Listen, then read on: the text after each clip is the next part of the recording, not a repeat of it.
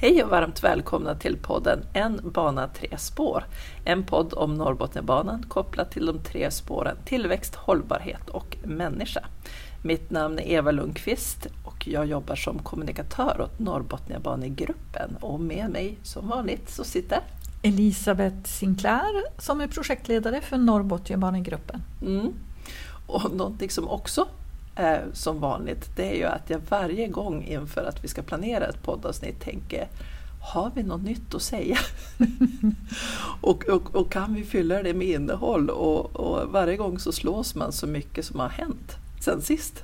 Ja, alltså jag tycker att det känns lite i kroppen att vi har mycket att göra just nu. Mm. Men det är väldigt bra att göra en sammanfattning så att vi ser att vi kan bocka av saker som vi kan lägga bakom oss.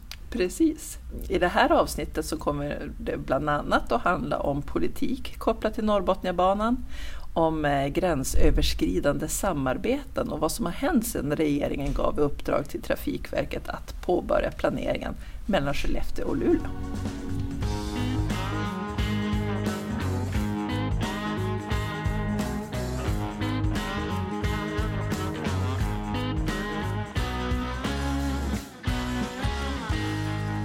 Ja, innan denna pandemi bröt ut så var ju våra kalendrar fulla med olika event där vi medverkade i syfte att sprida information om Norrbotniabanan. Men det var ju på mest partimöten egentligen runt om i Sverige. Och nu har du ju varit på det första partimötet på över två år. Hur kändes det? Ja, nästan som vanligt och det är ju därför det känns i kroppen att, att eh, bära information det kan vara ganska slitigt ibland. Men som sagt nästan som vanligt. Det var ju covidpass som gällde så det var ju lite nytt. Det var ju i Helsingborg som vi deltog då i Moderaterna under deras arbetsmöte i tre dagar. Det var regnigt och blåsigt och jag har lärt mig att i i Skåne använder man inte paraply utan där ska man ha eh, regnjacka. Ah, det är för att det blåser så mycket? Ja, alltså jag vet inte hur många gånger mitt stackars paraply vände sig ut och in. Men jag kom att du hörde av dig när du hade installerat montern och sådär, att du hade fått monterplats nummer ett hur var stödet för banan? Ja, ja men det var ju väldigt roligt. Det var första gången vi har fått monter nummer ett. Ja. Men eh, stödet är starkt, men det finns inte på papper än. I och för sig så skrev man ju ett erbjudande till Centerpartiet tidigare i år där Norrbotniabanan nämndes, men som Centern tackade nej till.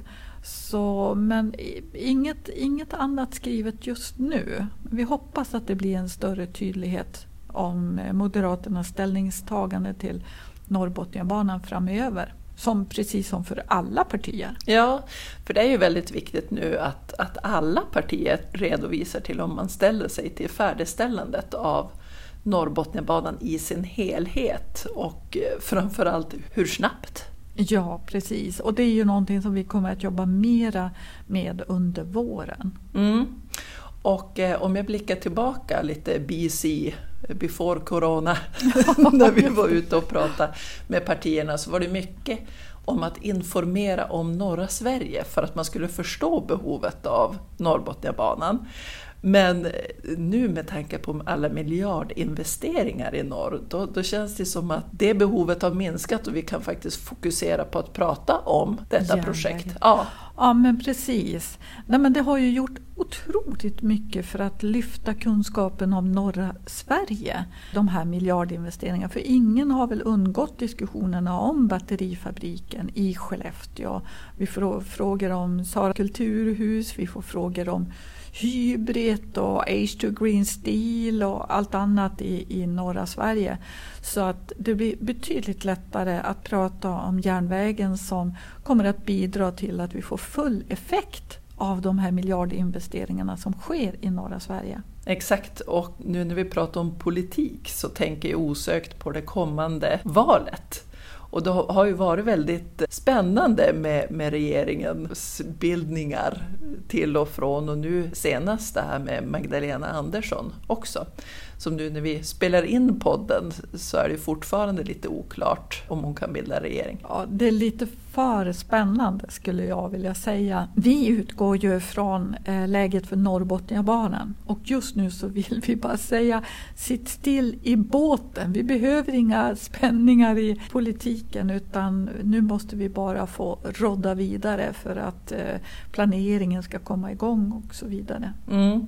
Nej, man ska ju aldrig riktigt slappna av i den här processen men vi fick ju lite lugnande ord av trafikutskottets vice ordförande under Logistikdag Norr i Luleå förra veckan. Ja, och Anders han är trafikpolitisk talesperson för Centerpartiet. Och jag träffade honom första gången runt 2010 och han har varit en viktig kontakt och faktiskt bidragande till att vi står där vi står idag. Nu har du bestämt dig för att du ska lämna, inte kandidera till riksdagen igen och då tänker vi så här, är det möjligen så att Anders är helt säker på att Norrbotniabanan kommer att byggas i hela sin längd? Tack så mycket för eh, möjligheten att ha fått träffa er under snart tio, drygt tio år tror jag det är. Eh, och jag, så långt jag kan påverka här och nu känner jag en stor säkerhet i att Norrbotniabanan i sin heliga längd, hela längd, heliga längd höll jag på att säga, hela längd finns med, utpekad och startfinansierad rejält i det förslag som läggs och i det beslut som förhoppningsvis då fattas tidigt nästa år. Därför att så är instruktionerna skrivna utifrån den proposition Centerpartiet och andra partier tagit fram och de direktiv som är givna till Trafikverket. Sen är det konkurrens om pengarna, det vet vi. Men Norrbotniabanan i hela sin längd, intensifierad, ja, det går inte att tolka på ett annat sätt än att, att, att den ska byggas ut. Så där känner jag en stor trygghet. Nu har vi att vänta på en eh, ett förslag från Trafikverket per den 30 november i år. En remisstid som pågår fram till den 28 februari 2022 och sen är det ett regeringsbeslut på senvåren, tidig sommar 2022 som då ska bekräfta allt detta. Och följa alla de instruktioner vi själva har varit med och fattat beslut om och de spelregler som är satta, ja då ska Norrbotniabanan vara en vital del av det beslutet. Då är det väl lagom för mig att lämna riksdagsarbetet och ägna mig åt något annat. ja, i sin heliga längd. Det var ju riktigt fyndigt. Ja, det var det. Det håller vi med om. Jag hoppas att den här pandemin håller sig i schack så vi kan träffa Anders Åkesson igen på Centerpartiets kommundagar i februari. Ja, det blir roligt. Och som jag sa tidigare så träffade vi ju Anders på Logistikdag Norr i Luleå, där årets tema var hållbar infrastruktur. Det pratades ju en hel del om de här miljardinvesteringarna som nu sker i norra Sverige och behoven av kompletterande hållbar infrastruktur för att matcha investeringarna. Och det var ju otroligt spännande presentationer den där dagen. Ja, här var ju alla de stora spelarna med det var ju LKAB, Kaunis, Iron, det var Northvolt, hade väldigt entusiast, entusiastiska personer med. Och så var det H2 Green Steel. Deras mål det är ju att bygga en storskalig eh, fossilfri ståltillverkning i Boden med en produktionskapacitet på 5 miljoner ton högkvalitativt stål till år 2030. Om jag minns rätt så kanske de kommer att generera 1500 arbetstillfällen om jag inte minns fel. Det är ju liksom en fantastisk utveckling som sker i basindustrin mm. i norra Sverige. Det de producerar, när, när man säger det här äh, fossilfritt stål. Nu har vi ju fått, äh, hade vi ett möte med LKAB och så fick vi faktiskt känna på hur, hur det här stålet ser ut. Och det ser ut som så här äh, briketter eller små tvålar som man håller i handen som är då fossilfritt tillverkade. Så det, det, finns på riktigt, det är här. Ja, det är just det där när, när, man ser det på riktigt och man får det närmare. Det var ju precis det med de här presentationerna också. Ja. Att man ju har hört om det men inte får de här detaljkunskaperna som vi fick där. Och så sen eh, tänker jag på det här att eh, i media så pratas det ju om 1070 miljarder, men vi brukar prata över 700 miljarder. Varför är det olika siffror kanske någon mm. undrar? Mm. Därför att om vi tittar på de 6-7 nordligaste regionerna då handlar det om 1070 miljarder. Så det är inte bara här uppe det sker. Och det är ju bra att betänka med tanke på att ja, men allt det som produceras ska någonstans och vi behöver jobba tillsammans. Men bara i Norrbotten och Västerbotten så, ligger det, så är det över 700 miljarder som investeras nu fram till ja, de två närmaste decennierna i alla fall. Ja. Det var även rekord i antal deltagare på Logistikdag Norr. Jag kan tänka mig att det kanske var uppdämt nätverksbehov kanske. Sen vet jag ju att våran allvetande lokförare också var på plats. Etta, tvåa, etta, tvåa. Eh, det är lokföraren här. Eh, jag måste prata med småbokstäver. Och jag befinner mig på logistikdagen i Luleå och jag klämmer mig fram här mellan deltagarna för att jag försöker hitta Elisabeth och Eva. Jag är lite sen här och ja, typiskt, nu ser jag dem här i hörsalen. De sitter längst fram. Jag kan omöjligt gå dit. Elisabeth och Eva! Ja, jag vinkar här nu. Oh, de gör tummen upp. Oh, då ska vi se, jag får stå här längst bak. Eh, ja, nu säger LKAB eh, det här är intressant, att ett malmtåg motsvarar 110 lastbilar. Jajamän, och det är ju det jag säger. Järnvägen är fantastisk, eller hur hörni? Ja, det, det blev lite högt. Ja, ja, jag ska dämpa mig. Mm -hmm. Vad sa han nu då? Att de ska frakta svamp? Nej, jag måste ha hört fel. Nej, det, han, han säger att det ska handla om järnsvamp. Järnsvamp? Men vad i all sin värld är det? En sjukdom? Smittsam, eller? Nej, i dessa tider får man ta sitt ansvar och uh, gå hem.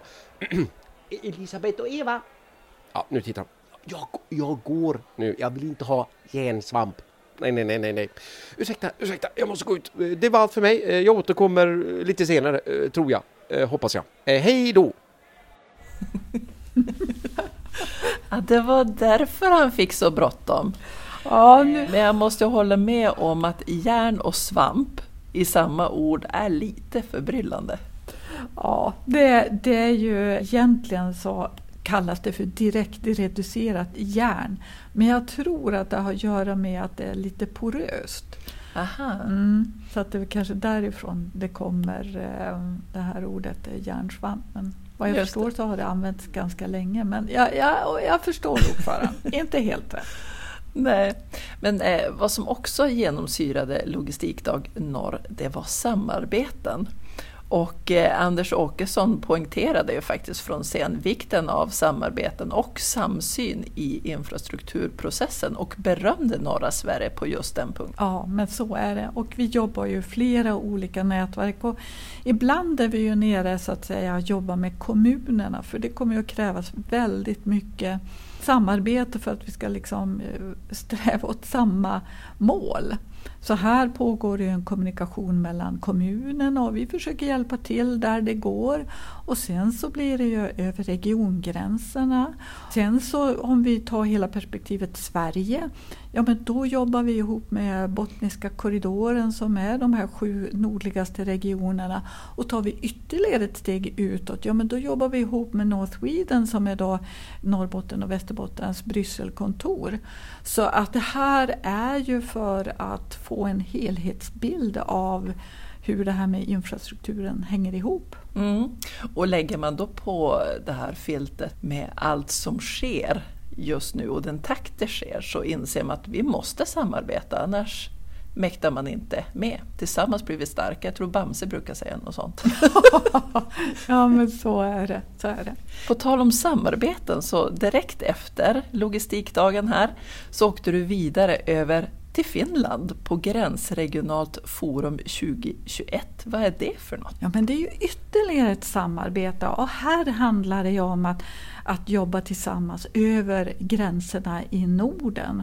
Och just nu så var, det Bottenviksbågen, Uleåborgs stad, Business Aulo och Aulos universitet som bjöd in till det här. Men det var ju spelare från Danmark där, det var från Norge, ja, så Finland och, och Sverige. Och det vi diskuterade ganska mycket det var ju då säga, gränsöverskridande samarbeten och här kommer ju kompetensförsörjningen in. Mm. I norra Sverige också vår infrastruktur som en av de här bitarna. Och de här mötena de syftar ju till att stärka samarbetet eh, över gränserna som har pågått under väldigt lång tid. Och det ska främja en, en djupare nordisk integration. En av de finska ministrarna, Thomas Blomqvist, han sa just att, att det här samarbetet är viktigt för att vi ska arbeta för världens hållbaraste och mest integrerade region. Mm. Och det är ju lite spännande. Och, eh, jag hörde ju ett rykte från det där att eh, du fick dagens första applåd efter din presentation. jag är inte förvånad.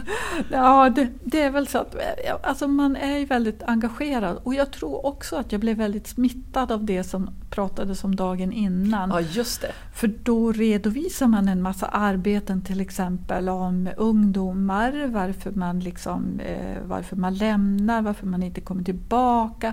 Och vi pratade bland annat om det här inslaget i en nyhetssändning på SVT där det var en ung tjej från Skellefteå som berättade att ja, men hennes mål det var ju när hon hade gått ut eh, skolan att, att åka ut i världen och eh, se den och så plötsligt kommer världen hit. Mm. Och där hon jobbade på den restaurangen så sa hon att ja, men det känns som New York har flyttat hit. Mm.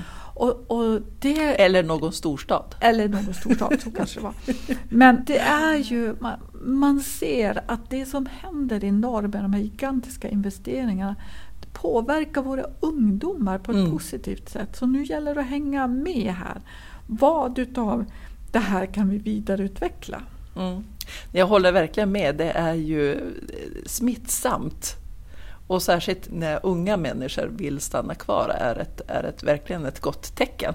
Apropå gränsöverskridande, hur går det för trafiken på Haparandabanan? Den satt, eller satte väl igång i våras? va? Ja, precis i första april. Mm.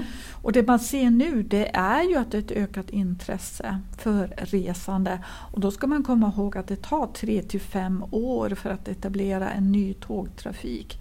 Och, eh, men det man ser under sommaren har varit väldigt, väldigt positivt. Och här, det var ju någonting som vi pratade om på det här gränsregionala forumet. Att koppla ihop LTU, då, Luleå tekniska universitet, med Aulus universitet, Uleåborgs universitet. Och i december så görs det en justering av tidtabellen som kanske ännu mer ökar möjligheterna till arbetspendling från Luleå och Boden till Haparanda.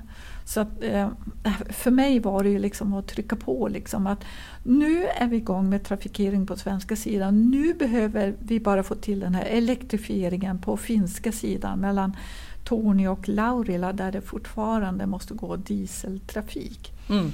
Och sen så fick jag ju frågan också utav en av eh, deltagarna på det här mötet om att ja, men vänta nu, är det inte olika spårvidd i Sverige och Finland? Och det är alldeles riktigt. Men på ena sidan av stationshuset i Haparanda så har vi svensk spårvidd. Och går man sen genom stationshuset då har vi den finska spårvidden på andra sidan. Så att där byter man tåg som eh, persontrafikresenär. Mm. Och godset det lastas om på en terminal intill. Ja men just det. Jag sitter just nu och tänker på, tänk när vi kan börja arbetspendla längs Norrbotniabanan.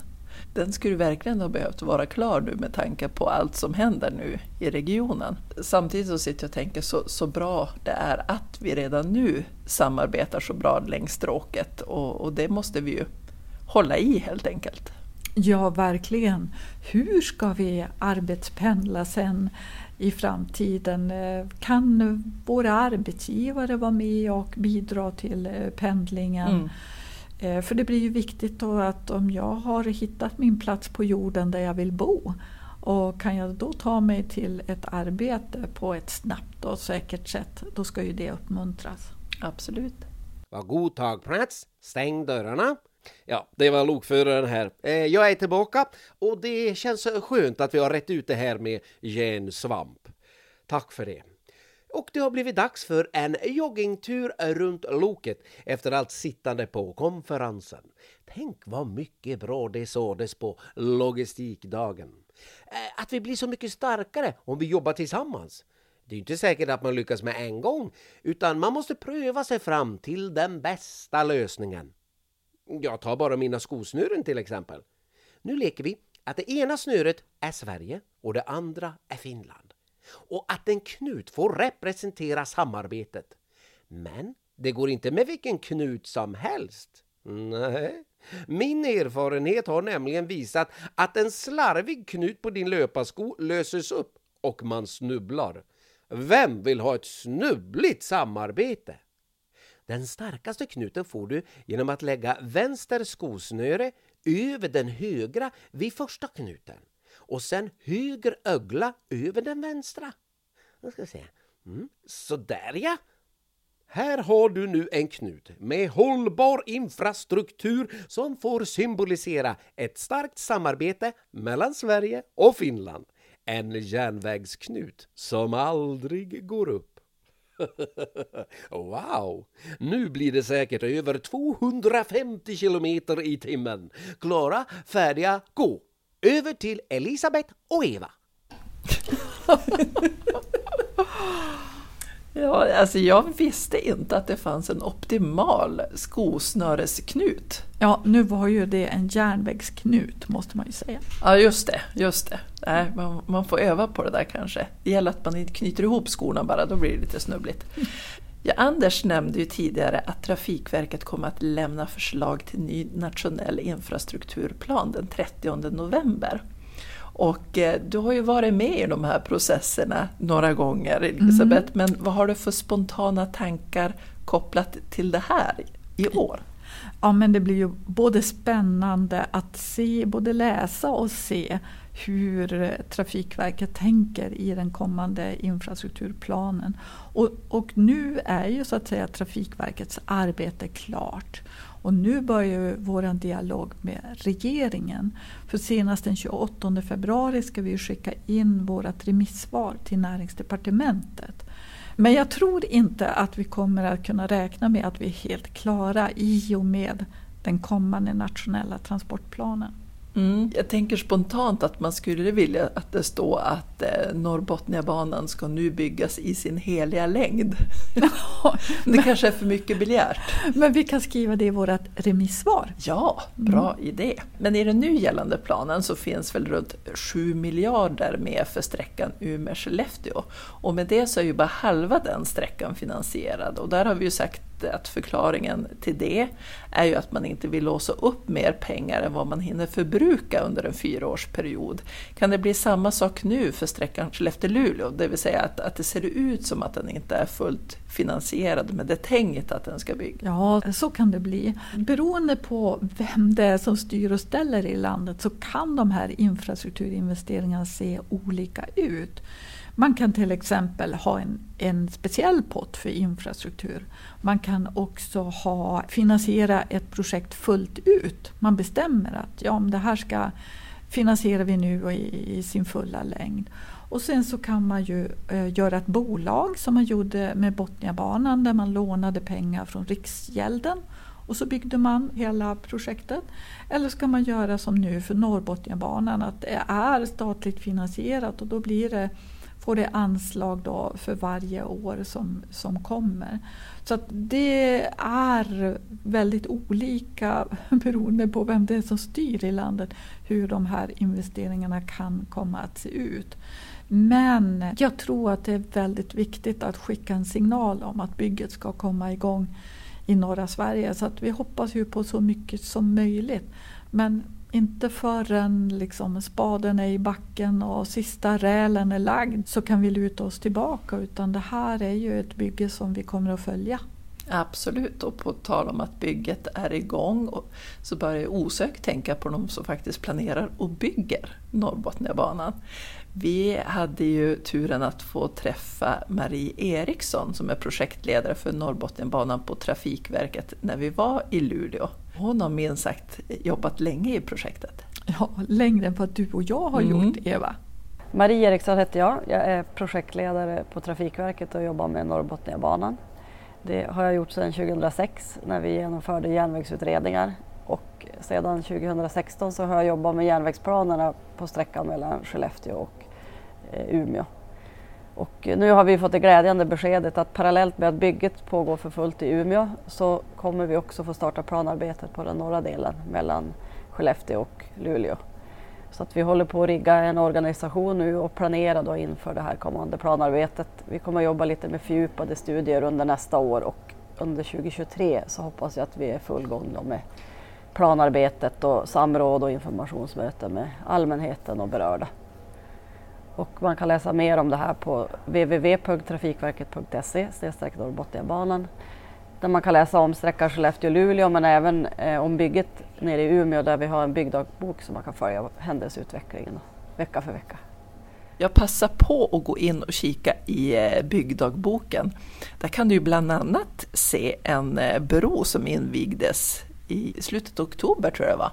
Ja, en jättefin röd cykelbro. Och så sent som igår passerade jag och min man bygget och jag spanar efter eh, färdigställda broar och banans sträckning och min man han spanar efter utter. det är ju bra att ni kan dela era intressen på samma plats i alla fall. Ja, sannerligen. Ja, jag tänker på det Marie sa i inslaget att Eh, de nu har fått det här uppdraget av regeringen att påbörja planeringen mellan Skellefteå och Luleå. Bara det direktivet har ju gjort att det, det har börjat bubbla. Alltså nu, nu känner man att det är på gång norrut, Norrbotniabanan. Ja men så är det och vi följer ju debatten bland annat i Piteå mm. och den får vi väl återkomma till lite längre fram. Precis, och hur det går med planeringsarbetet framöver. Eh, och har du några funderingar av det vi har sagt i det här avsnittet så är det ju bara att du mejlar till oss på info.norrbotniabanan.se kommer ju även att lägga upp en tillhörande blogg till det här avsnittet där du kan läsa lite mer om det vi har sagt och kanske lägga ut några länkar bland annat till den här byggdagboken tänker jag. Sen så kommer vi nog att ta ett poddavsnitt till innan årsskiftet. Ja, och få se vem som är jultomte i det avsnittet. Ja, det kan man undra. Men eh, har det så gott tills dess så hoppas jag att vi hörs igen. Hej då! Hej då!